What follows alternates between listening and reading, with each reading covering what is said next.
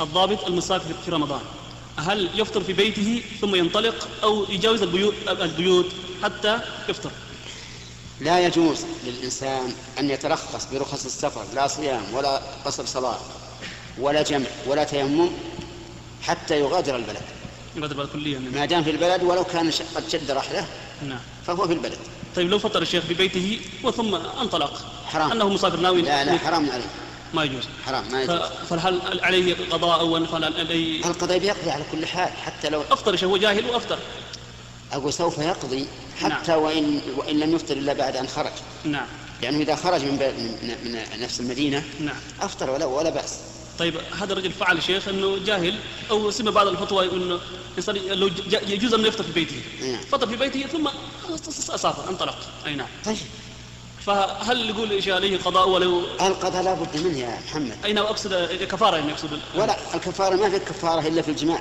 مم. الأكل والشرب ما في كفارة نعم طيب يا شيخ قولوا المالكيه يرون انه كف- كفاره في ال- ما هو صحيح اي نعم كلامه. سواء اي نعم سواء الأمر- كلامه مو صحيح من قال من العلماء ان من افطر بأ- باكل او شرب او جماع فعليه الفط...